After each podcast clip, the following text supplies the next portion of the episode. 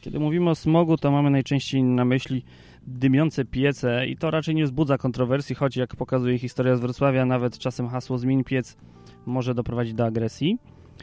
Agresje często też budzą e, próby zmiany transportu na bardziej zrównoważony. E, Sławna już krakowska strefa czystego transportu dość szybko poległa. Natomiast co należy zrobić, żeby transport nasz codzienny, powszedni stał się czystszy? O to zapytam za chwilę Bartosza Piłata z Polskiego Alarmu Smogowego. Witam cię serdecznie. Cześć, dzień dobry wszystkim. E, W Dzień Czystego Powietrza m, przedstawiliście taki dość e, ciekawy pakiet czterech głównych rozwiązań.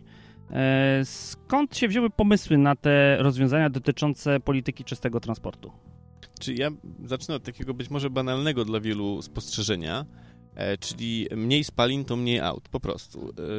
I jakby to jest jasne dla wszystkich, że jeśli będzie mniej rur wydechowych, to mówimy o niższym poziomie emisji spalin. E, I to się da osiągnąć na dwa sposoby. E, Po pierwsze, e, ograniczając sam wjazd do miasta, mm, to można w Polsce zrobić na różne sposoby, ale takim naprawdę skutecznym byłyby strefy czystego transportu, o których zaraz. No i drugi element, y, czyli alternatywa, Mm, bo jeżeli mówimy o Warszawie, Krakowie czy Poznaniu, to mówimy o sytuacji, w której codziennie dziesiątki tysięcy aut wlewają się do tych miast na ulicę. To są samochody bardzo często osób, które muszą nimi tam przyjechać, bo mają pracę, a z ich miejscowości nie dojeżdża żaden sensowny albo w ogóle nie dojeżdża do miasta transport publiczny. To jest jak od, nie wiem, dwóch lat mam wrażenie już taka dość publiczna wiedza, polski transport publiczny w regionie po prostu nie działa. I te dwa narzędzia muszą być moim zdaniem wprowadzane równolegle. E, Miałem to szczęście, że w Krakowie byłem współorganizującym projekt strefy czystego transportu, przewidzianej na pół roku, e, ale już po trzech miesiącach pozbawionej zębów przez Radę Gminy i na bazie tych doświadczeń wiem, mówiąc ogólnie, co w obecnej ustawie nie działa. Na bazie tych doświadczeń we współpracy z prawnikami mamy przygotowaną propozycję albo nowej ustawy zupełnie, która by się zajmowała tego rodzaju e, ograniczeniami w ruchu, albo poprawkami do istniejącej ustawy. Tutaj uwaga jedna, obecna ustawa de facto zakłada istnienie czegoś, co nazywa się strefą bezemisyjnego transportu, czyli strefą, w której nie ma pojazdów w ogóle emitujących spalin. To nie jest strefa czystego transportu. Strefy czystego transportu, takie jak istnieją w Barcelonie, czy w Brukseli, czy w Paryżu, to są strefy, do których wjazd mogą mieć tylko pojazdy spełniające określone wymagania emisji spalin, zwykle oparte o normy euro, najprostsze, bo kierowcy to rozpoznają. Mm, Krakowska, y, przepraszam, ustawowa strefa czystego transportu to realnie jest właśnie strefa bezemisyjnego transportu. Jak się okazuje, w Krakowie zrealizowaliśmy pierwszą w Europie, bo e, mieliśmy później pytania od urzędników e, z całej Europy, jak to było, co to dało i e, jakie były z tym problemy.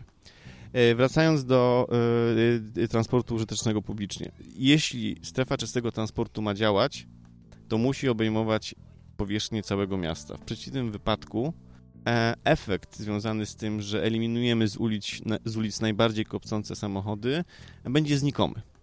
E, A jeśli w całym mieście, to naprawdę musi istnieć poważna alternatywa transportowa w postaci autobusów, być może kolei, zależnie od tego, w jakim regionie e, operujemy. I na koniec.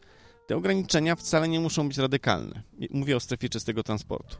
E, W maju 2019 roku na próbce około 100 tysięcy pojazdów e, zbadaliśmy, jak realnie wygląda emisja e, z rur wydechowych samochodów jeżdżących po Krakowie. Mm, I okazało się, mówiąc ogólnie, że około 8% najstarszych samochodów odpowiada za mniej więcej 50% emisji spalin, a dokładniej rzecz ujmując emisji tlenków azotu. Bo e, więc okazuje się, że naprawdę małym, niskim kosztem społecznym jesteśmy w stanie e, bardzo poprawić jakość powietrza i takie rozwiązanie według mnie można by wprowadzić już za rok, dwa, to znaczy e, w sensie legalnym dobrze przygotowana strefa mogłaby działać w, tym, w tym pojęciu mniej więcej w 2022 roku.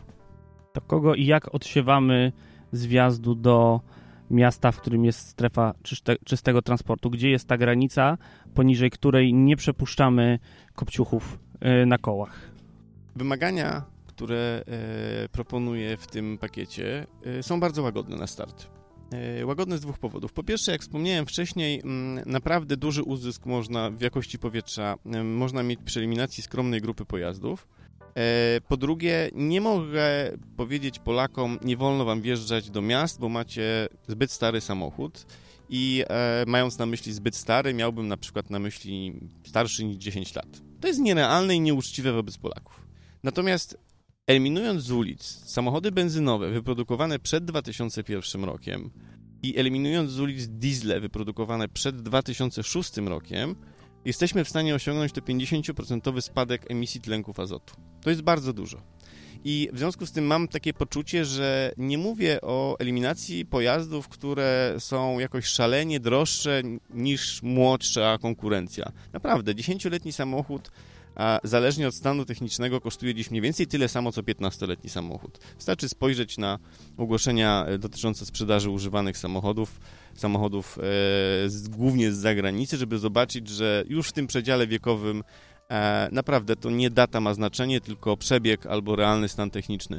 Więc e, uważam, że eliminacja tych pojazdów starszych niż 14 lat, 14 lat E, Mówimy tu o dieslach, bo jeżeli chodzi o benzynowe, o to lat 19. 20, 19 w tym momencie, tak.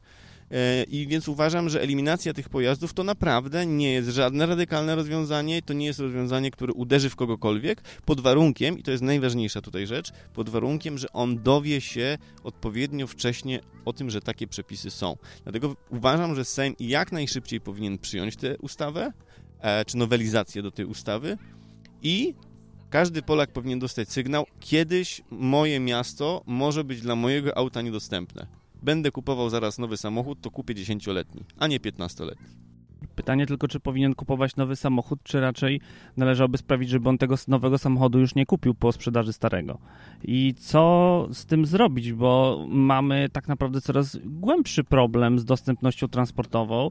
Pandemia pogłębiła wiele problemów, wiele miast, nawet dużych, podniosło ceny biletów, pocięło ofertę komunikacji miejskiej, a co już mówić o komunikacji podmiejskiej, której w Polsce najzwyczajniej w świecie w wielu miejscach po prostu nie ma. Uwielbiam właśnie w związku z tym posługiwać się przykładem powiatu Wyszków. E, w 18 roku w powiecie Wyszków zarejestrowanych było więcej samochodów niż mieszkańców ma powiat Wyszków. E, I oczywiście to nie jest przypadek. E, zakładając, że część tych pojazdów tak naprawdę nie jeździ, bo są zbyt stare, gdzieś w szopach pozostawione, zepsute, ale Wyszków ma szalenie słabą komunikację z Warszawą, mimo że jest 60 km mniej więcej od Warszawy położony.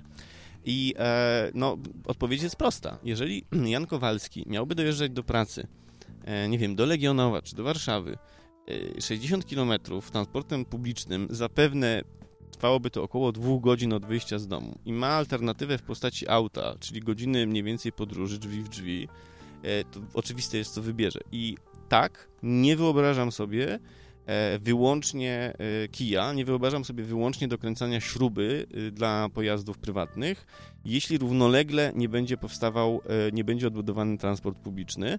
Dzisiaj mamy oto taką sytuację, że częściowo pieniądze są zagwarantowane. Jest 800 około milionów złotych w tak zwanym funduszu PKS-owym, a wykorzystywanych jest około 60 milionów. Teraz więcej, bo ministerstwo potroiło stawkę dopłat, czyli mniej więcej E, wykorzystanych będzie 180 milionów złotych, ale dla tej samej grupy gmin, które złożyły wnioski. Czyli pokazuje to, mówiąc ogólnie, że to nie jest tylko kwestia finansów. Z tego, co widzę, z tego, co rozmawiam z urzędnikami w urzędach marszałkowskich, czy ludźmi, którzy generalnie zajmują się transportem, e, jasne jest, że te gminy czy powiaty potrzebują wsparcia organizacyjnego. Tam już nie ma od 20 lat urzędników, którzy mieliby cokolwiek wspólnego z transportem publicznym. Nikt nie umie przygotować polityki transportowej, nikt nie umie zabrać się za tworzenie rozkładu jazdy, nikt nie umie ogłosić przetargu na obsługę y, takich y, połączeń publicznych, y, więc oczekiwałbym, taka jest wstępna nasza propozycja, że przy urzędach marszałkowskich, przy których już istnieją, czy w których już istnieją departamenty odpowiedzialne za transport, powstaną zespoły, które będą niejako takim nieodpłatnym e, konsultingiem dla gmin czy powiatów e, chcących realizować transport publiczny. Alternatywnie e, widzę to jako obowiązek Urzędu Marszałkowskiego po prostu, czyli to Urząd Marszałkowski miałby obowiązek realizacji transportu publicznego, bo ktoś musi. Dzisiaj mamy od 10 lat nierealizowaną ustawę o transporcie publicznym, gdzie teoretycznie jest ten obowiązek, która nie jest w ogóle egzekwowana. Każdy minister transportu regularnie odsuwa wdrażanie tej ustawy w życie i egzekwowanie zapisów, które tam się pojawiły. Tak? Więc e, trzeba coś z tym zrobić i mam takie poczucie, że e, e, kłopot obecnej ekipy polegałby na tym, że byłoby to oddanie pewnych możliwości samorządowi. Centralizacja, jaką w tej chwili widzimy, e, jest czymś pod tym względem bardzo groźnym. E, centralizacja może dotyczyć finansów i metody przyznawania środków, chociaż tutaj również można by się kłócić, ale jakby to dopuszczalne jest dla mnie. Natomiast nie może być tak, że ministerstwo jest ostatecznym, decydującym o tym, jak ma wyglądać transport publiczny w powiecie Wyszków. Tak? To znaczy, to jest w ogóle absurdalne. To samorządowcy są najbliżej ludzi i znają ich potrzeby. Kończąc e, przydługawą e, przemowę. Gminy, powiaty muszą dostać wsparcie organizacyjne. Bez tego nigdy nie sięgną po te 800 milionów złotych, pomijając, że to i tak są, jest kwota, która raczej nie wystarczyłaby na dofinansowanie mm, wszelkich potrzeb, gdyby wszystkie powiaty i gminy zabrały się za budowanie czy odbudowywanie systemów transportu publicznego. I nikogo nie zaskoczę, bo e, powstały dwie świetne książki o tym, jak likwidowaliśmy od 25 lat transport publiczny. E, pamiętam e, jeszcze w końcu lat 80., jeżdżąc na wakacje do tak, mojej babci w Lubelskiem, Mm, pamiętam, że przyjeżdżaliśmy autobusem na miejsce. W ciągu dnia do miejscowości, w której jest 80 budynków, przyjeżdżały w tygodniu trzy pary autobusów, w sobotę i w niedzielę dwie. W końcu lat 90. nie przyjeżdżał już żaden. Uznano, że kilometr do drogi głównej to nie jest taka odległość, której mieszkańcy nie mogliby pokonać, żeby tam wsiadać do autobusu. Zrezygnowano z dwukilometrowego wjazdu kieszeniowego tylko i wyłącznie dlatego, że ktoś uznał, że to się nie opłaca. A jak wszyscy wiemy, transport publiczny nigdzie się nie opłaca, w sensie, że nigdy nie jest rentowny. To zawsze jest usługa komunalna, usługa publiczna, która de facto nie powinna być kierowana tylko i wyłącznie elementami ekonomicznymi. Tu w e, propozycji Polskiego Alarmu Smogowego e, czytam e, coś, co kiedyś sam napisałem, próbując trafić razem ze Stowarzyszeniem Miasto jest Nasze do rządu z petycją, a mianowicie o, chodzi tutaj o ta minimalna liczba kursów, ten standard komunikacyjny. Zastanawiam się też, czy nie lepiej byłoby raczej zdiagnozować białe plamy i coś takiego na przykład zauważyłem w pewnym opracowaniu, które przygotowuje Stowarzyszenie Gmin Aglomeracji Krakowskiej, że tam zdiagnozowano po prostu miejsca, do których obecnie transport publiczny nie dociera. Na przykład, że dane sołectwa są ponad 2 km od najbliższego przystanku. Te sołectwa mają jeszcze dalej i tu są jakby, jest taka pełna diagnoza miejsc, gdzie ten transport publiczny nie dociera wcale, tam gdzie jest zero. Początkowo jest to pokazane binarnie, ale wiadomo, że wszystko nie jest białe i czarne. Pytanie, y, jak te białe plamy, jak można to, jakby, że tak powiem, złączyć z tą minimalną liczbą kursów? Bo jeżeli mówimy zawsze o minimalnej liczbie kursów, to musimy jednak dokonać pewnej delimitacji, czyli dokąd musimy ten standard określić. Czy mówimy o poziomie gminy, powiatu i też pytanie dokąd, bo y, w wielu miejscach czasem znajdziemy transport publiczny, ale jest on tak skrajnie y, nieefektywny z punktu widzenia osoby pojedynczej, na przykład trasy do 20 km do miasta E, powiatowego lub gminnego, autobus pokonuje właśnie przez 50 minut, ponieważ on zahacza o wszystkie te wsie za pomocą wjazdów kieszeniowych i absolutnie jest on kompletnie niekorzystny dla zwykłego mieszkańca, bo, bo to po prostu nic szkoda czasu. Mhm. E, znaczy, w sumie poruszyłeś przykład Małopolski, która do tych e, właśnie rozważań na ten temat jest moim zdaniem bardzo dobrym przykładem. Dlatego, że mm, y, jest to obszar, gdzie generalnie obsługa autobusami lub tak zwanymi busami jest na tle Polski na bardzo wysokim poziomie. Tak? Znaczy można powiedzieć, że Małopolska jest jednym z najlepiej skomunikowanych y, pod tym względem regionów w Polsce, a i to, jak zauważyłeś, są białe plamy, są miejsca, do których e, autobusy nie docierają albo docierają w z rozkładem jazdy, który nikomu właściwie się nie przydaje, bo a nie można dojechać na czas, albo pory odjazdu są takie, że się nie trafiamy w, w lekcję, tak, czy w miejsce pracy. Ale dobrze, więc podziałem problem na trzy części. Białe plamy są jasne. Tam po prostu musi być realizowana usługa w postaci transportu publicznego. Mm, e, białe plamy często są związane z tym, że mamy zbyt niewielu mieszkańców, tak? Czyli w ogóle nawet w tygodniu przewożenie trzech osób codziennie e, przez ekstra 5 km ma średni sens. No i tu jest właśnie miejsce na rozważenie, czy w związku z tym po prostu dopłacamy przedsiębiorcy, którym wygrywa e, przetarg na obsługę danej linii, czy realizujemy, nazwijmy to, dowóz dodatkowy tylko i wyłącznie na tym odcinku. E, znowuż posłużę się przykładem miejscowości, w której się wychowałem, czy regionu, w którym się wychowałem. Przez lata całe transport był zorganizowany w taki sposób, że wahadłowo jeździł autobus przez miejscowość długą, bo 18-kilometrową, wjeżdżał do innej miejscowości 12-kilometrowej, ale przejeżdżał przez yy, dworzec przesiadkowy w, w miejscowości gminnej. E, I to było dobre, dlatego że ten autobus nigdy nie jeździł pusty. Na dokładkę ten autobus, który zawsze czekał i był skomunikowany i było jasne, że nawet jak są, jest spóźnienie, to on będzie czekał y, po pasażerów. I ten autobus y, też był rentowny w, w, w tygodniu. I teraz jest drugi element, czyli mamy weekendy. Małopolska jest świetnie skomunikowana, dopóki nie przychodzi sobota. Sobota prawie nic nie jeździ i tu znowu przykład, pokazujący, jaki to jest problem. E, kiedy ja chodziłem do liceum i e, dojeżdżałem do Nowego Targu, w niedzielę o 16 miałem super autobus, który dowoził mnie e, w godzinę 15 Nowego Targu. W godzinę 15, dlatego że jeszcze dla wygody własnej, żeby nie chodzić, wsiadałem w autobus, który najpierw jechał na pętlę, a potem wracał. Moja siostra musiała być już dowodzona do miejscowości gminnej, 15 km, żeby mieć dostęp do transportu publicznego. Więc e, ten element e, białych plam to jest jedna sprawa. Drugim elementem jest to, żeby gminy wreszcie zrozumiały, że w weekend transport publiczny musi istnieć, bo inaczej nikt mu nie zaufa. I wreszcie czwarta sprawa. Ja nie wiem dlaczego wszyscy, kiedy mówią o transporcie publicznym, myślą o e, autobusie. E, mówię o dużym autobusie. Wszyscy myślą o H9 e, autosanie, e, o takiej rzecz pojemności, czy H6, który to był?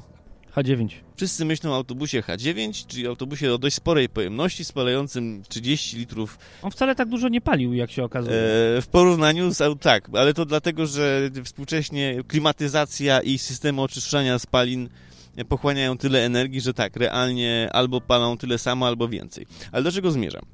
Więc nie, to wcale nie musi polegać na tym, że e, te autobusy są wielkie. Kto powiedział, że nie moglibyśmy realizować takiej usługi, jak e, eksperymentalnie od lat realizowana jest w Krakowie albo w Szczecinie? E, czegoś, co nazywa się telebus. E, czegoś, co albo ma częściowo rozkład jazdy ustalony na stałe, bo na stałe jakiś Jan Kowalski w jakiejś miejscowości o 8.30 potrzebuje być w pracy, albo w weekendy, kiedy nie potrzebuje być w pracy, ale z wyprzedzeniem można w piątek zadzwonić i powiedzieć, potrzebuje być w kościele w jakiejś miejscowości, bo tam odbywa się odpust. E, w związku z tym gmina e, na tę okazję podstawia autobus, bo zakłada zresztą, że może na przykład pojawić inny pasażer. To jest pierwsze, ale w inną niedzielę nic nie pojedzie, bo nikt z tej miejscowości małej nie ma żadnego interesu, tak? To jest taki model, który według mnie jest wart rozważenia i tutaj wychodzimy już poza Małopolskę. W Polsce północno-zachodniej i w Polsce północno-wschodniej takich miejscowości, które liczą 15, 20, 40 mieszkańców jest bardzo dużo.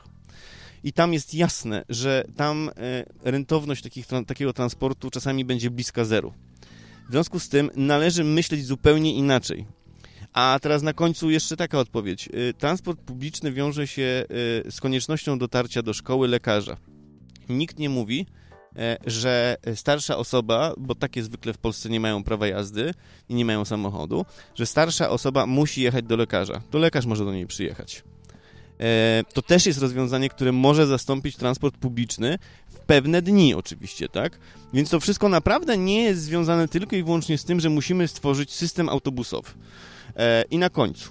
E, jest jeszcze standard dostępności do przystanku transportu publicznego i tutaj mam wrażenie, że wszyscy stoją na pozycji, że dalej niż 500 metrów być nie może. Znaczy ludzie, z którymi rozmawiam, z którymi urbaniści, z którymi rozmawiam, urzędnicy, którzy zabierają się za jakieś przepisy dotyczące y, poprawy tego, jak wygląda y, zagospodarowanie przestrzenne w Polsce, wszyscy używają tej miary. Nie może być dalej niż 500 metrów. To się wydaje być sensowne, pod warunkiem wszakże jeszcze jednym, czyli to, co wspomniałeś na, w swoim pytaniu. Czas dojazdu do. Bo oprócz tego, ile powinno być minimum e, zagwarantowanych podróży, to też powinna być jeszcze e, średnia prędkość, e, średnia prędkość przewozowa. E, I ona moim zdaniem nie może być niższa niż 40 km na godzinę. E, tylko to jest w stanie dać w miarę realny czas dojazdu. Bez 40 km na godzinę mówimy o fikcyjnym transporcie publicznym. Jeżeli nie jesteśmy w stanie w drzwi w drzwi pokonać odległości 30 km e, z domu do pracy, to mówimy o żadnej ofercie. No, w niektórych warunkach aglomeracyjnych te 40 km na godzinę no, może być trudne, biorąc pod uwagę zakorkowanie aglomeracji i kwestię załatwienia tego, żeby transport publiczny tak miał ten priorytet czyli mówiąc wprost y, buspasy. Natomiast ja chciałem jeszcze cię zapytać, bo na razie... To tylko się wybronię, tak masz rację, o tej prędkości myślałem zawsze do granicy miasta e, dużego lub do granicy miasta powiatowego. Tak, bo jasne jest, że kongestia, która tam się pojawia, e, ten czas będzie zbijała do poziomu nawet może i 10 km na godzinę.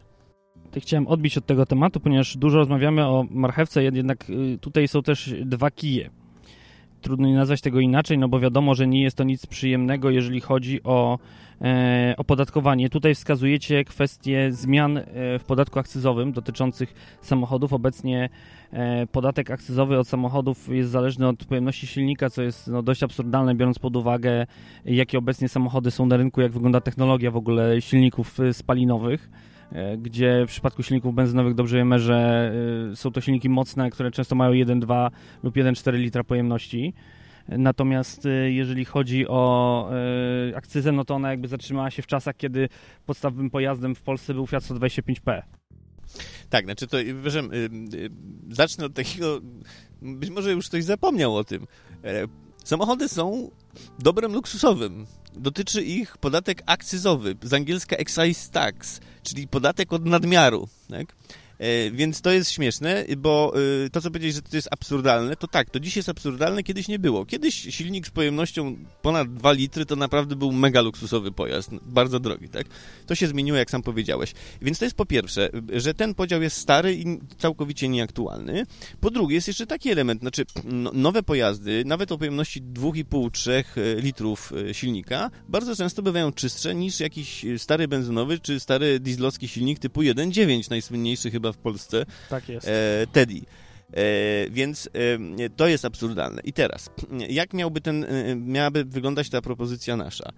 Więc ona byłaby nieprzyjemna tylko dla pewnej grupy e, nabywców pojazdów, e, natomiast dla pozostałych, zakładam, byłaby może nawet lepsza niż dziś. znaczy, ja nie widzę powodu, żeby obarczać samochody nowsze niż 10 lat, niezależnie od tego, jaką pojemność ma ten silnik, podatkiem akcyzowym wyższym niż obecnie, czyli tam około 1,8 y, czy 1,9% od wartości zakupowanego, y, zakupywanego pojazdu. Nie ma powodu to są, czy z punktu widzenia jakości powietrza, tak? Natomiast samochody powyżej yy, 10 roku życia już w jakiś sposób geometrycznie powinny mieć coraz wyższy, yy, być obłożone coraz wyższym podatkiem akcyzowym. Projekt senacki z 16 roku e, zakładał nawet akcyzę w wysokości 8 tysięcy złotych od tych najbardziej e, emitujących i najstarszych samochodów. Nie czyli... procentowo, tylko kwotowo. E, tak, znaczy tam wprowadzono taki bardzo skomplikowany system podziału aut na kategorie. Też tam był podział na, na, e, pod względem pojemności silnika, tak? E, natomiast to, co my proponujemy, nie jest jakimś super szokującym pomysłem, bo bywały takie już wcześniej, natomiast chcielibyśmy to uprościć powyżej tego, tej granicy 10 lat naprawdę podatek powinien rosnąć geometrycznie, po to, żeby jeżeli ktoś chce kupić 20-25-letni samochód, to był to fascynat, którego stać na kupno tak starego samochodu i kupuje go głównie ze względów, nie wiem, sentymentalnych, muzealnych, po prostu ma e, fioła na tym tle, ale skoro ma fioła, to może za to zapłacić. E, natomiast do codziennego transportu nie chcielibyśmy używać tych aut 10, ponad 10 lat, czyli tych samochodów, które mają naprawdę emisję na bardzo zadowalającym poziomie, jeżeli chodzi o tlenki mm, azotu, nawet w przypadku diesli, tak? Więc na tym to miałoby polegać i znowuż, jeżeli Polacy sprowadzają z zagranicy samochody o średniej wieku 12 lat, e, to wydaje mi się, jak wcześniej mówiłem, że sprowadzanie samochodów o średniej wieku 8 lat czy 7 lat nie byłoby dla Polaków szokiem finansowym. To nadal są auta w ich zasięgu yy, finansowym, jeśli nie zapłacą tego podwyższonego podatku akcyzowego.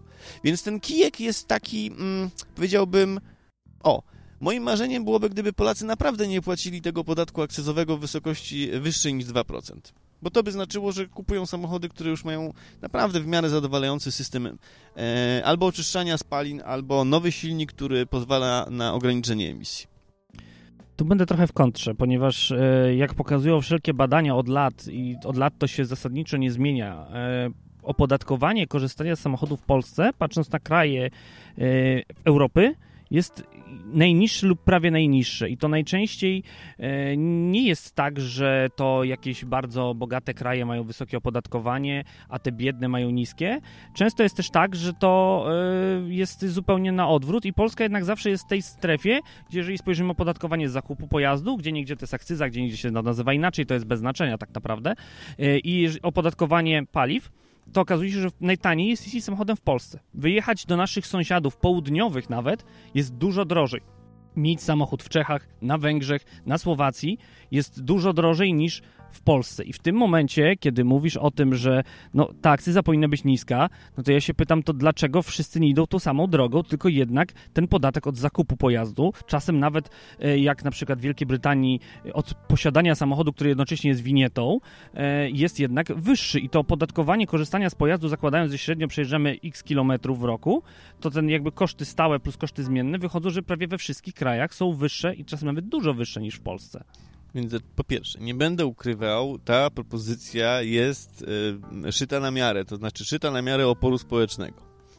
E, tak, zakładam, że gdybyśmy zaproponowali tego rodzaju rozwiązania, jakie są w Rumunii, we Włoszech, y, w Bułgarii czy na Węgrzech, e, to byłaby to zbyt szokowa zmiana. E, więc tak, Rumunia, czy Węgry, czy Włochy mm, mają bardzo wysokie opłaty związane z importem samochodów E, bo jest to metoda na ochronę lokalnego rynku e, produkcji e, samochodów. Czyli w Rumunii naprawdę jeździ mnóstwo daci, a po Węgrzech do niedawno jeździły same Suzuki, ponieważ były tam fabryki tychżeż pojazdów. Nie wiem, czy teraz będą jeździć Mercedesami, które są produkowane na Węgrzech, ale chodzi mi o ten schemat. To była metoda na obronę miejsc pracy i na mm, zabezpieczenie mm, lokalnego przemysłu motoryzacyjnego. E, ale nie narzędzie, które miało wpływać na, e, nie wiem, naprawę poziomu taboru, tak? E, we Włoszech jest podobnie. Tam również te podatki są związane z tym, że Fiat i inne firmy motoryzacyjne dbają o swój interes i chronią swoje zyski tak naprawdę. Natomiast to, co powiedziałeś o Wielkiej Brytanii, to już jest element rzeczywiście też również ekologiczny. Czyli opłata de facto za posiadanie auta ty musisz myśleć, czy tego auta naprawdę potrzebujesz. To jest po pierwsze.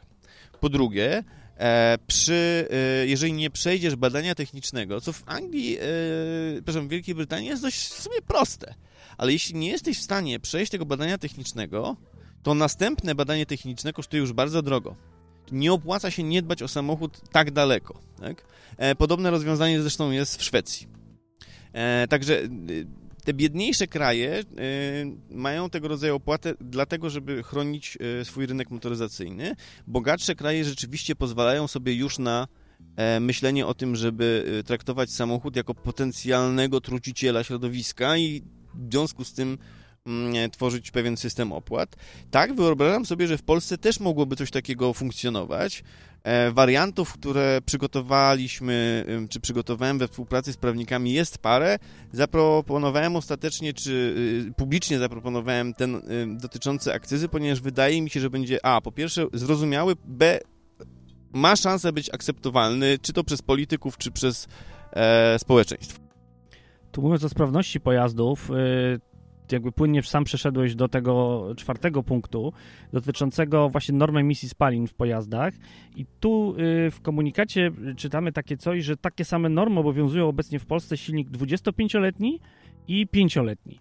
I przyznam szczerze, że trochę mnie to zaszokowało, że w zasadzie można przyjechać nowym autem z wyciętym y, filtrem cząstek stałych i tym sposobem y, jakby nadal przejść badanie techniczne, mając takie same wyniki emisji spalin jak samochód właśnie 20-letni. Więc to jest historia trochę tak samo jak z podatkiem akcyzowym. E, wbrew temu, co może się wydawać, w latach 90. Mm, Polska miała dość dobrą politykę, zarówno dotyczącą właśnie ochrony rynku motoryzacyjnego, jak i e, dotyczącą ekologii. do 2004 roku nie wolno było do Polski importować samochodów niespełniających normy Euro 2, na przykład. Czyli wówczas samochodów siedmioletnich znaczy starszych niż 7 lat. Te przepisy weszły w 2002 roku, czyli e, wtedy najstarsze auta e, Euro 2 miały 5 lat. Tak? Takich przepisów dziś nam trochę brakuje. E, tak samo chroniono rynek motoryzacyjny. Przypomnę słynne, e, już nie pamiętam jak się to nazywało, e, e, były limity na import samochodów, żeby pomóc rozkręcać fabryki motoryzacyjne, tak, fabryki produkujące samochody w Polsce. I teraz Normy, które są e, wymagane od samochodów na, w stacjach diagnostycznych, kiedy przyjeżdżamy na obowiązkowe badanie, to są normy z około 97 roku. Czyli może nie 25-letni silnik, ale już 22-letni ma spełniać takie same normy jak na przykład dwuletni silnik. Tak? W związku z tym mamy efekt, o którym powiedziałeś. E, w przypadku silników diesla jakość e, spalin badana jest głównie za pomocą tak zwanej przezierności, czyli ogólnie najprościej to opisać, ile światła przejdzie przez e, strumień spalin wydobywających się z rury wydechowej.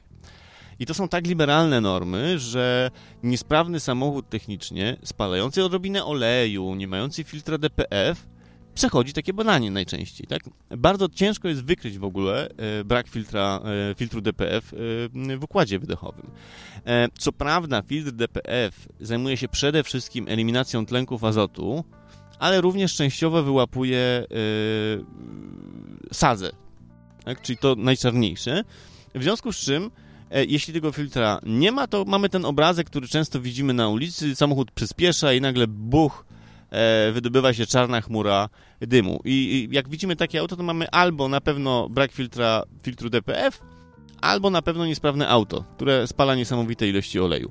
Więc no to tak dłużej być nie może i najśmieszniejsze jest to, że dzisiejsze przepisy teoretycznie pozwalałyby eliminować te samochody z, z rynku, tak?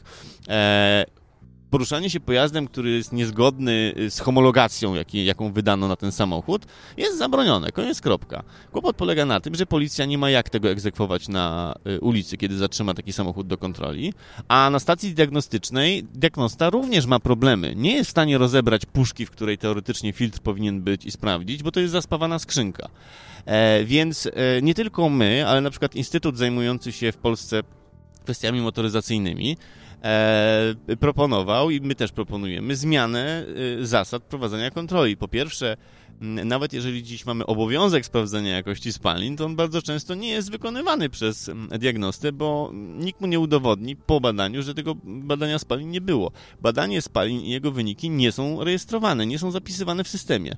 E, sprawność amortyzatorów tak, sprawność hamulców tak ale akurat to nie. I tak naprawdę ostatnio w Warszawie po przeprowadzce musiałem się dopominać o badanie spalin wręcz, bo akurat zależało mi na tym, żeby być pewnym, że wszystko jest w porządku. Plus y, to też świadczy o sprawności silnika, kiedy widzimy, że nie wiem, dana, yy, yy, znaczy dana nieczystość przekracza pewne normy, tak? bo to też mówi o pewnych elementach związanych ze sterowaniem silnika. Więc y, to jest przede wszystkim problemem, że raz, że nie egzekwujemy dzisiejszych przepisów, a dwa, y, nie ma jasnego sposobu na penalizację na przykład mechaników, którzy oferują wycinkę DPF, tak? Bez problemu za 500-600 zł e, czegoś takiego można dokonać, kiedy filtr e, DPF dożywa swoich dni, a wymiana go na nowy kosztowałaby 3, 4, 5, czasami nawet 7 tysięcy złotych, co zwykle bywa nawet równowartością tego samochodu, którym się poruszamy. Jak dopaść tych diagnosty, tych mechaników, którzy wycinają DPF-y? E, jak dopaść mechaników? Znaczy, po pierwsze, można to robić, można to robić dokonując kontroli przesiewowych, tak to się nazywa? Czekaj. Tak, kontroli przesiewowych. E, czyli e, policja może śmiało e, spojrzeć w dane e, i sprawdzić, czy samochody, którym ostatnio odebrano e, dowód rejestracyjny, bo to się zdarza jednak e, ze względu na zły stan techniczny, w jakiej stacji były badane. I tam na przykład można sprawdzić, czy diagnosta dokonuje takich, a nie innych badań. Natomiast co do mechaników, no to znowuż kontrole przesiewowe. Wyobrażam sobie, że Urząd Skarbowy może dokonać sprawdzenia faktur za ostatnie 5 lat. E, przy okazji sprawdzimy, czy każda czynność w takim zakładzie jest e, wykonywana legalnie w sensie skarbowym. A po drugie, e, policja może dokonywać prowokacji w bardzo prosty sposób 3 minuty otworzymy telefon, w 3 minuty znajdziemy ofertę mechanika, który takiej czynności chce dokonać. E, przepraszam, ale w polskim, polskich przepisach tego rodzaju działanie nie jest przewidziane. Wystarczy pojechać na tę stację, będąc policjantem, e, mieć e, kamery, które to nagrywają i do widzenia. To znaczy, to jest przykład najprostszego rozwiązania. To może być obłożone grzywną 5000 zł. E, to wystarczy. To powinno być upublicznione w telewizji. I myślę, że część mechaników po prostu się przestraszy. Nie trzeba robić jakiegoś, nie wiem, przepisu, który na pewno zagwarantuje, że to nie będzie wykonywane. Nie, tego się nigdy nie da zrobić. E, Po prostu trzeba dać e, e, pozwolenie i narzędzia policji, żeby takie kontrole prowadziła. Nie muszą skontrolować wszystkich mechaników, wystarczy, że skontrolują jednego na stu. Znaleźć takiego, który to robi, nie jest problemem. Postawimy kropkę. Myślę, że przez wszystkie propozycje udało nam się przejść, choć pod koniec już zaczęło się robić gorąco. Tak. I dobrze, żeby gorąco zaczęło się robić tym, którzy jednak te DPF-y wycinają. Taka puenta, myślę, dość e, Bardzo liczę, e, bardzo liczę na to, szczerze mówiąc, bo o ile na przykład strefy czystego transportu, czy transport użyteczny publicznie, to są trudne e, rzeczy do zrealizowania i też politycy się niechętnie za to zabierają, obydwaj to dobrze wiemy, to już na przykład kwestia wycinki filtrów DPF nie jest takim kłopotem. Prawie wszyscy od prawa do lewa mówią, że to jest albo nieuczciwe, niektórzy mówią, że to jest bandytyzm, i mam takie poczucie, że tak, nad tym e, akurat y, postulatem długo deliberować e, nie trzeba i będzie do zaakceptowania w Sejmie, w Senacie, w ministerstwach. No, to liczymy zatem na porozumienie ponad podziałami. Bartosz Piłat, Polski Alarm Smogowy. Bardzo Ci dziękuję. Dziękuję tak samo. Na dziś to wszystko. Serdecznie dziękuję wszystkim patronom podcastu, a w szczególności Piero, Pawłowi Zegartowskiemu, Pawłowi Szczurowi, Tomaszowi Tarasiukowi, Monice Stankiewicz, Pawłowi Łapińskiemu, Andrzejowi Kaźmirowskiemu, Peterowi Jancowiciowi, Janowi K., Jerzemu Mackiewiczowi, Jakubowi Kucharczukowi, Michałowi Cichoszowi, Łukaszowi Filipczakowi, Pawłowi Musiałkowi, Filipowi Lachertowi, Jackowi Szczepaniakowi, Jurkowi Gostkowi, Kubie Czajkowskiemu i Szymonowi Woźniakowi. Jeżeli chcecie dołączyć do grona patronów, serdecznie zapraszam Was na patronite.pl. Do usłyszenia.